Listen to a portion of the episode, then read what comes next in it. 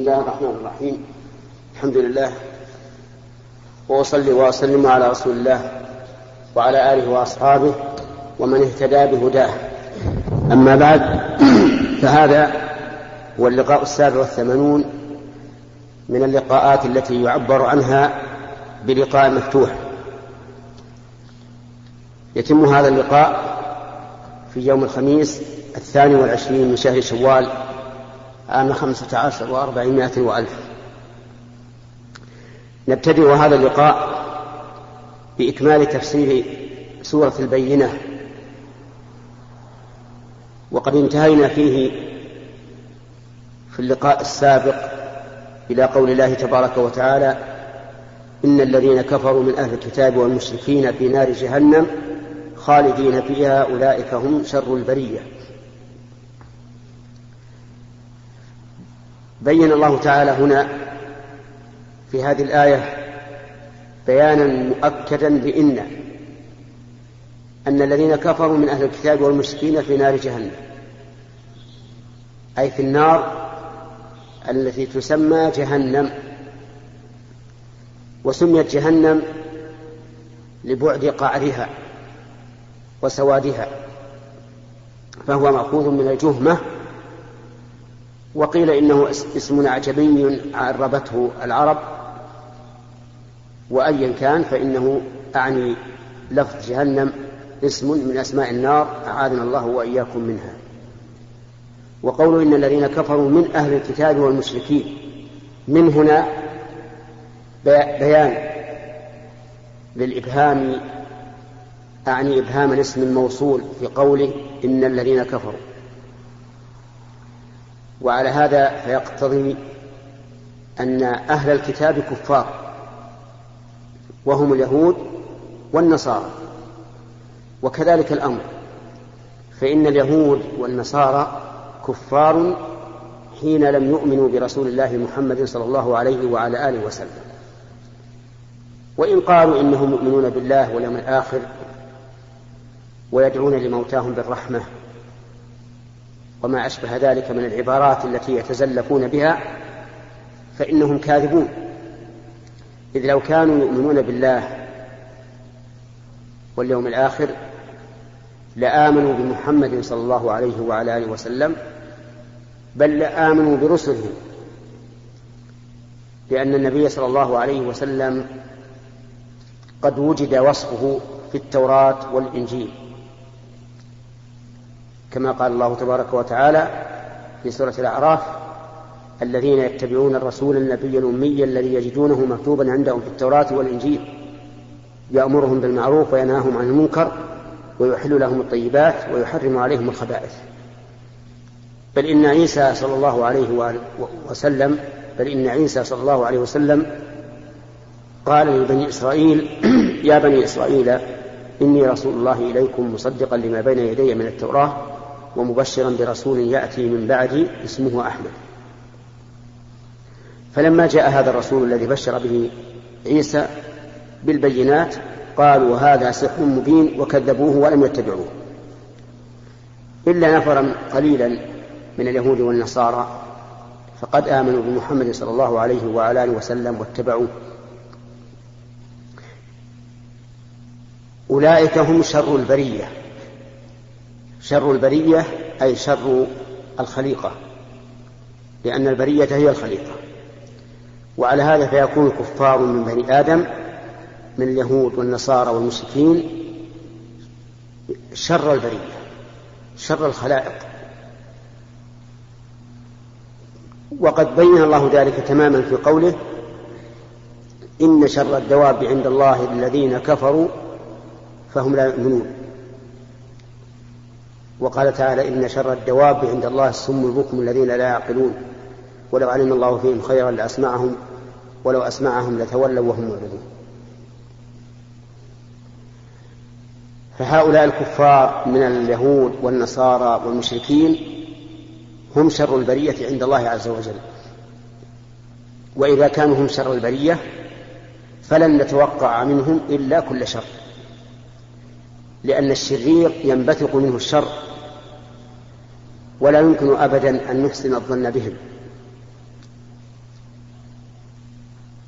قد نثق بالصادقين منهم كما وثق النبي صلى الله عليه وسلم بالمشرك عبد الله بن ريقط حين استأجره ليدله على طريق الهجرة. لكن غالبهم وجمهورهم لا يوثق منهم لأنهم شر. ولما ذكر الله حكم هؤلاء الكفار من اليهود والنصارى والمشركين ذكر حكم المؤمنين فقال إن الذين آمنوا وعملوا الصالحات أولئك هم خير البرية. والقرآن الكريم مثاني تثنى فيه المعاني فيؤتى بالمعنى وما يقابله ويؤتى بأصحاب النار وأصحاب الجنة ويؤتى بآيات الترهيب وآيات الترغيب وهلم مجرا لأجل أن يكون الإنسان سائرا إلى الله عز وجل بين الخوف والرجاء. ولئلا يمل فإن تنويع الأساليب وتنويع المواضيع لا شك أنه يعطي النفس قوة واندفاعا بخلاف ما لو كان الكلام على وتر على وتيرة واحدة فإن الإنسان قد يمل. ولا تتحرك نفسه إن الذين آمنوا وعملوا الصالحات أولئك هم خير البرية. فخير خلق الله عز وجل هم الذين آمنوا وعملوا الصالحات وهم على طبقات أربع. بينها الله في قوله ومن يطع الله والرسول فأولئك مع الذين أنعم الله عليهم من النبيين والصديقين والشهداء والصالحين. هذه الطبقات الأربع هي طبقات المؤمنين. أعلاها طبقة النبوة وأعلى طبقات النبوة طبقة الرسالة ثم بعد ذلك بعد النبوة الصديقية وعلى رأس الصديقين أبو بكر رضي الله عنه والشهداء قيل إنهم أولو العلم وقيل إنهم الذين قتلوا في سبيل الله والآية. تحتمل المعنيين جميعا بدون مناقضة والذي ينبغي لمفسر القرآن أن الآية إذا كانت تحتمل معنيين بدون مناقضة أن يحملها على المعنيين جميعا. فالش... فالشهداء هم أولو العلم وهم الذين قتلوا في سبيل الله. وكلهم مرتبتهم عالية فوق سائر المتبعين للرسل إلا الصديقين. قال تعالى والصالحين وهم عدل الطبقات. فالذين آمنوا وعملوا الصالحات على اختلاف طبقاتهم هم خير البرية أي خير ما خلق الله عز وجل من البرايا ثم بين جزاءهم فقال جزاؤهم عند ربهم جنات عدن تجري من تحتها الأنهار. وهنا قدم الله الثناء على المؤمنين الذين عملوا عملوا الصالحات على ذكر جزائهم. لأن ثناء الله عليهم أعظم مرتبة وأعلى منقب منقبة. فلذلك قدمه على الجزاء ال... الذي هو جزاؤهم في يوم القيامة. جزاؤهم عند ربهم جنات عدن تجري من تحتها الأنهار. جنات جمعها لاختلاف أنواعها. لأن النبي صلى الله عليه وعلى آله وسلم قال إن الجنات جنتان من ذهب آنيتهما وما فيهما وجنتان من فضة آنيتهما وما فيهما وإلى هذا يشير قول الله تعالى ولمن خاف مقام ربه جنتان ثم ذكر أوصاف هذه الجنتين هاتين ثم ذكر أوصاف هاتين الجنتين ثم قال ومن دونهما جنتان فلهم جنات. والجنات التي ذكرها الله تعالى جزاء للمؤمنين العاملين الصالحات هي عبارة عن منازل عظيمة أعدها الله عز وجل للمؤمنين المتقين. فيها ما لا عين رأت ولا أذن سمعت ولا خطر على قلب بشر. ولا يمكن للإنسان في هذه الدنيا أن يتصور كيف نعيم الآخرة أبدا. لأنه أعلى وأجل مما نتصور قال ابن عباس رضي الله عنهما ليس في الجنة مما في الدنيا إلا الأسماء. لكنها تختلف الحقائق اختلافا عظيما. قال عز وجل جنات عدن العدن بمعنى الإقامة في المكان وعدم وعدم النزوح وعدم النزوح عنه. ومن تمام نعيم أهل الجنة أن كل واحد منهم لا يطلب تحولا عما هو عليه من النعيم لأنه لا يرى أن أحدا أكمل منه ولا يحس في قلبه أنه آه، في غضاضة بالنسبة لمن هو أرقى منه وأكمل. قال الله تبارك وتعالى لا يبغون عنها حولا. أي لا يبغون تحولا عما هم عليه لأن الله تعالى قد أقنعهم بما, بما أعطاهم فلا يجدون أحدا أكمل نعيما منهم. ولهذا سمى الله تعالى هذه الجنات جنات عدن. أسأل الله أن يجعلني وإياكم من أهلها. تجري من تحتها الأنهار. من تحتها قال العلماء من تحت قصورها وأشجارها. وإلا فهو على سطحها وليس أسفل. إنما هو من تحت هذه القصور والأشجار. والأنهار التي ذكرها الله عز وجل هنا مجملة فصلها في سورة محمد فقال مثل الجنة التي وعد المتقون فيها أنهار من ماء غير آسن وأنهار من لبن لم يتغير طعمه وأنهار من خمر لذة للشاربين وأنهار من عسل مصفى. هذه الأنهار. وقد جاء في الآثار من وصف هذه الأنهار أنها تجري بغير أخدود وبغير خنادق. بمعنى أن النهر يجري على سطح الأرض يتوجه حيث وجهه حيث وجهه الإنسان ولا يحتاج إلى شق خنادق ولا إلى بناء أخدود تمنع سيلان الماء يمينا وشمالا. وفي هذا يقول ابن القيم رحمه الله في كتاب النونية أنهارها من غير أخدود جرت سبحان ممسكها عن الفيضان. خالدين فيها أبدا أي ماكثين فيها أبدا.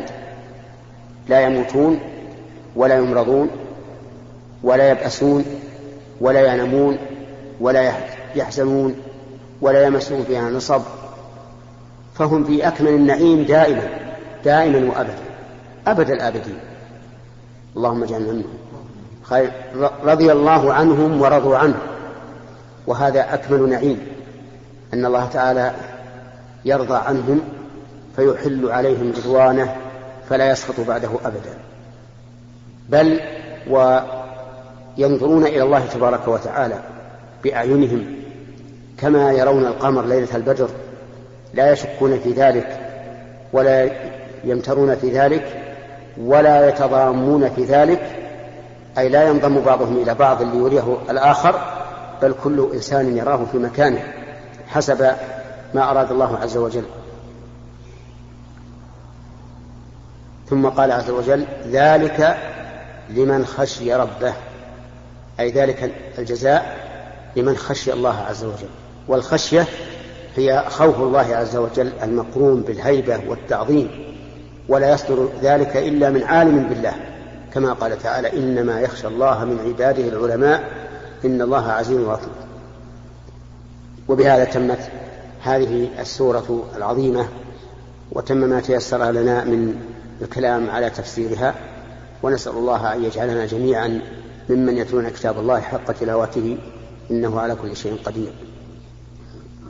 أما الآن فإنه في دور الأسئلة ونبدأ باليمين.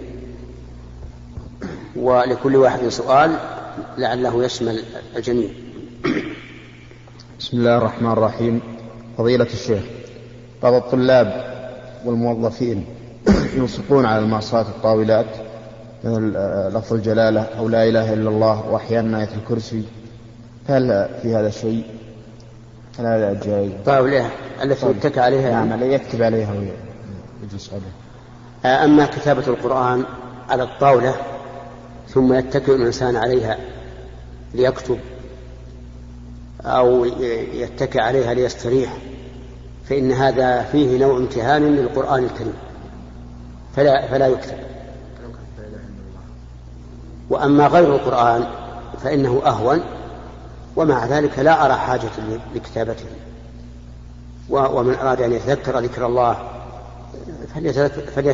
يتذكر ذلك بقلبه وأخشى أن يكتب لا إله إلا الله. ثم يأتي بعض زملائه كما جرت به العادة يحدثه ويركب على الطاولة من غير أن يشعر أو يشعر ولكن لا يبالي فأرى أن لا يكتب عليها شيء. حتى أيضا حسب النظام فيما أعلم أنه ممنوع أن يكتب على الطاولات شيء. حتى الملصقات أيضا لا داعي لها. نعم. تفضل. فضيلة الشيخ بارك الله في علمكم. يقول صلى الله عليه وسلم لا يقعدن أحدكم أحدكم متكئا على أريكته. يقول هذا كتاب الله ما وجدنا فيه حلالا حللناه وما وجدنا فيه حراما حرمناه. على إني أوتيت القرآن ومثله معه. هل في هذا ما معنى كون متكئا على أريكته؟ وهل في هذا الحديث دليل على وجوب متابعة الرسول صلى الله عليه وسلم؟ على وجوب وجوب المتابعة للرسول صلى الله عليه وسلم. وإذا كان الأمر كذلك فقول الأصوليين يقول علماء الفقه يقولون السنة يثاب فاعله ولا يعاقب تاركه. بارك الله أما لفظ الحديث فليس فليس كما قال السائل لا يقعدن أحدكم على أريكته بل قال لا لا ألفين أحدكم متكئا على أريكته. وهذا تحذير من النبي عليه الصلاة والسلام أن يكون الإنسان على هذا الوصف وعلى هذه الحال عنده من الغطرسة والكبرياء ما جعله متكئا على أريكته يأتيه الأمر من عند من عند الرسول عليه الصلاة والسلام ويقول لا أدري ما وجدنا في كتاب الله اتبعناه. يعني لا نتبع السنة. وهذا تحذير من الرسول عليه الصلاة والسلام أن يكون الإنسان على هذا الوصف. ولهذا قال ألا وإني أوتيت الكتاب ومثله معه أو القرآن ومثله معه. وهي السنة. كما قال تعالى وأنزل الله عليك الكتاب والحكمة وعلمك ما لم تكن تعلم وكان فضل الله عليك عظيما قال أهل العلم المراد بالحكمة هنا السنة بدليل قوله وعلمك ما لم تكن تعلم وكان فضل الله عليك عظيما ومعلوم ومعلوم أن رد السنة الصحيحة الثابتة عن الرسول عليه الصلاة والسلام كرد القرآن تماما لأن ما جاء به الرسول عليه الصلاة والسلام من أحكام فهو كما جاء, جاء في القرآن من الأحكام. إذ هو رسول الله عز وجل. فمن قال لا أقبل إلا ما جاء في القرآن قلنا إنك واقع في هذا الحديث الذي حذر به النبي صلى الله عليه وعلى آله وسلم أمته أن يكون على هذه الحال. ثم نقول له إن ردك لما جاء به الرسول هو رد لما جاء به القرآن. لأن الله تعالى قال من يطع الرسول فقد أطاع الله. وقال ومن يعص الله ورسوله فإن له نار جهنم. وقال وقال الله تعالى قل إن كنتم تحبون الله فاتبعوني يحببكم الله. وقال تعالى وما آتاكم الرسول فخذوه وما نهاكم عنه فانتهوا. وغير إلى غير ذلك من الآيات الكثيرة الدالة على وجوب اتباع النبي صلى الله عليه وعلى آله وسلم. وأما السنة فالسنة لها اصطلاحان اصطلاح عام واصطلاح خاص. أما الاصطلاح العام فإن السنة هي طريقة النبي صلى الله عليه وسلم الشاملة للواجب والمستحب وغير ذلك. ومنه قول أنس بن مالك رضي الله عنه من السنة إذا تزوج البكر على الثيب أقام عندها سبعا ثم قسم وإذا تزوج الثيب أقام عندها ثلاثا ثم قسم هذه السنة واجبة. أما الاصطلاح الخاص فهو اصطلاح الفقهاء رحمهم الله حيث قسموا الأحكام الشرعية إلى خمسة أقسام. واجب وسنة وحرام ومكروه ومباح. وإنما قسموا ذلك ليتبين الشيء, ليتبين الشيء الذي ألزم به الشرع فيكون واجب الفعل إن كان واجبا ويكون واجب الترك إن كان حراما. وما دون ذلك يكون سنة في المأمور ومكروها في المنهي عنه. فهذا هو الفرق وعليه فلا إشكال. فصارت السنة الآن نوعان عامة وخاصة فالعامة هي التي يراد بها طريق النبي عليه الصلاة والسلام الشامل للواجب والمستحب. وأما الخاصة فهي ما اصطلح عليه الفقهاء حيث قالوا إن السنة هي التي إذا فعلها الإنسان أثيب عليها وإذا تركها لم يعاقب. نعم. بسم الله الرحمن الرحيم. فضيلة الشيخ رجل من سكان مكة استطاع الحج لكن ما حج. صار يأخر الحج يقول كل سنة يقول السنة القادمة حتى مات. هل يقضى عليه الحج؟ الصحيح أنه يقضى عنه. أن آه، إذا كان عازما على فعل الحج ولكنه متكاسل. أما لو كان عازما على الترك فإنه لا يقضى عنه. بل يبقى في ذمته يعذب به يوم القيامة إن شاء الله. هذا هو آه، التفصيل الذي تطمئن إليه النفس. ولكن ليعلم أن الحج واجب على الفور وأنه لا يجوز لمن قدر عليه أن يؤخره. لقول الله تعالى ولله على الناس حج البيت من استطاع إليه سبيلا فقيده بالاستطاعة فمتى وجدت الاستطاعة وجب الحج. نعم. شيخنا الفاضل وفقكم الله ونفع الله بعلمكم. جاء في السيرة أن النبي صلى الله عليه وسلم عندما عرج به إلى السماء اطلع على أهل الجنة فرأى أهل أكثر أهلها الفقراء والمساكين. ثم اطلع على أهل النار فرأى أكثر أهلها النساء.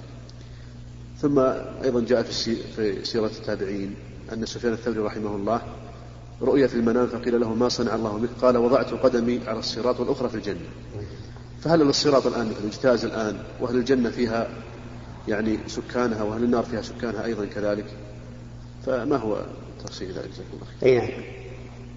أقول بارك الله فيكم جميعا الأمور الغيبية لا ينبغي أن نبحث فيها عن كيفيتها وأن نتعمق لأن هذا من التنطع. وقد قال النبي صلى الله عليه وعلى آله وسلم هلك المتنطعون. هلك المتنطعون هلك المتنطعون. وقال الإمام مالك لمن سأله كيف, استوى الله على العرش؟ قال له الاستواء معلوم والكيف مجهول.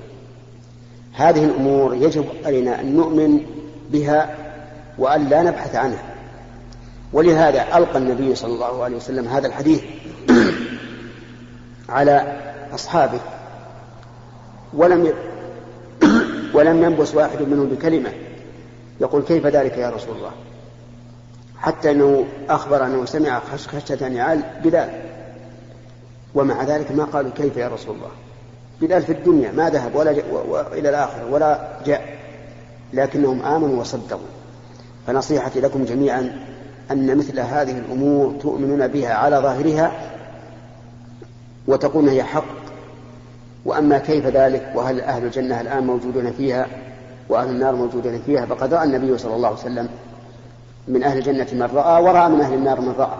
رأى عمرو بن الحي يجر قصبه أي أمعاءه في النار ورأى امرأة تعذب في هرة الله حبستها. ورأى فيها صاحب المحجن الذي يسلق الحجاج بمحجنه. الحاصل أني أنصح لكم أن لا تتعرضوا لمثل هذه الأسئلة. أما موقفي أنا فيها فهو موقف الصحابة رضي الله عنهم. أن أقول آمنت بالله وبرسول الله وبما جاء عن الله ورسوله ولا أتجاوز ذلك. وأقول إن الرسول عليه الصلاة والسلام في المعراج أخبرنا عن عما رأى وهو حق. نعم. يقول وأقول إن إذا لزمنا هذه الطريق استرحنا. وأي واحد يسألنا نبين له أن هذا لا طريق للعلم به. وأن, وأن موقفنا منه هو التفويض أي تفويض الكيفية إلى الله عز وجل. أما المعنى فنعم نعرف المعنى. نعم. فضيلة الشيخ يقول أكثر أهل العلم أن الحاكم بغير ما أنزل بغير ما أنزل الله إذا كان لا يستحل الحكم بغير ما أنزل الله ويعلم أن حكم الله خيرا من حكم غيره فهو لا يكفر إلا بشرط الاستحلال. فما هو الدليل على أنه لا يكفر إلا أن يكون مستحلا لذلك؟ وإذا كان الاستحلال لا يكون إلا في القلب باعتقاد الشيء حله من حرامه. كيف لنا أن نعرف أن هذا مستحل أو غير ذلك؟ جزاكم الله خير نعم. آه، أولا بارك الله فيك لا بد أن نعلم أن معنى تكفير الإنسان نقله من الإسلام إلى الكفر ويترتب على هذا أحكام عظيمة. من أهمها استباحة دمه وماله. وهذا أمر عظيم. لا يجوز لنا أن نتهاون به. يعني مثلا لو قلنا هذا حلال وهذا حرام بغير علم أهون مما إذا قلنا هذا كافر وهذا مسلم بغير علم. ومن المعلوم أن التكفير والإسلام إنما هو إلى الله عز وجل. فإذا نظرنا إلى الأدلة وجدنا أن الله وصف الحاكمين بغير ما أنزل الله بثلاثة أوصاف. فقال ومن لم يحكم بما أنزل الله فأولئك هم الكافرون وقال ومن لم يحكم بما أنزل الله فأولئك هم الظالمون وقال ومن لم يحكم بما أنزل الله فأولئك هم الفاسقون. ووصف الحكم بغير ما أنزل الله بالجهل. فقال أفحكم الجاهلية يبغون؟ ومن أحسن من الله حكما لقوم يوقنون. فلا بد أن, نرى مخرجا من هذه الأوصاف التي ظاهرها التعارض ولا مخرج لنا في ذلك إلا أن تطبق على القواعد الشرعية. فمثلا إذا جاءنا رجل ورفع الحكم الشرعي وأحل بدله قوانين تخالف ما أنزل الله على رسوله فهذا لا شك أنه مستحيل. لأنه رفع الحكم نهائيا وضع قانونا من من عنده من وضعه أو من وضع من هو أسوأ حالا منه. فهذا كافر لأن رفعه للأحكام الشرعية ووضع القوانين بدلها يعني أنه استحل ذلك. لكن يبقى عنده هل نكفر هذا الرجل بعينه؟ أو ننظر حتى تقوم عليه الحجة؟ لأنه قد يشتبه عليه مسائل الأمور الدنيوية من مسائل الأمور العقدية أو التعبدية ولهذا تجده يحترم العبادة ولا يغير فيها. لا يقول مثلا إن صلاة الظهر تأتي والناس في عمل نؤجلها إلى العصر. أو صلاة العشاء تأتي والناس محتاجون إلى النوم والعشاء نقدمها إلى المغرب. مثلا يحترم هذا. لكن في, في الأمور الدنيوية ربما يتجاسر ويضع قوانين مخالفة للشرع. فهذا هو من فهذا من حيث هو كفر لا شك فيه. لأن هذا رفع الحكم الشرعي واستبدل به غيره. ولكن لا بد أن نقيم عليه الحجة. وننظر لماذا فعلت ذلك. قد يلبس عليه بعض بعض العلماء الذين هم علماء دولة فيحرفون الكلمة عن مواضعه من أجل إرضاء الحاكم. فيقولون مثلا إن مسائل الدنيا اقتصاديا وزراعيا وأخذا وإعطاء موكول إلى البشر لأن المصالح تختلف. ثم يموهون عليه بقوله صلى الله عليه وسلم أنتم أعلم بأمور دنياكم. أو بأمر دنياكم وغالب الحكام الموجودين الآن غالبهم جهلة لا يعرفون شيئا. فإذا جاء إنسان كبير العمامة طويل الأذيال واسع الأكمام وقال له هذا أمر يرجع إلى إلى مصالح والمصالح تختلف بحسب الزمان والمكان والأحوال. والنبي عليه الصلاة والسلام قال أنتم أعلم بأمر دنياكم ولا بأس. أن ترفعوا أن ترفعوا القوانين التي كانت مقننة في عهد الصحابة وفي وقت مناسب إلى قوانين توافق ما ما عليه الناس في هذا في هذا الوقت. فيحللون لهم ما حرم الله؟ ويقولون مثلا الربا نوعان ربا استثماري وربا استغلالي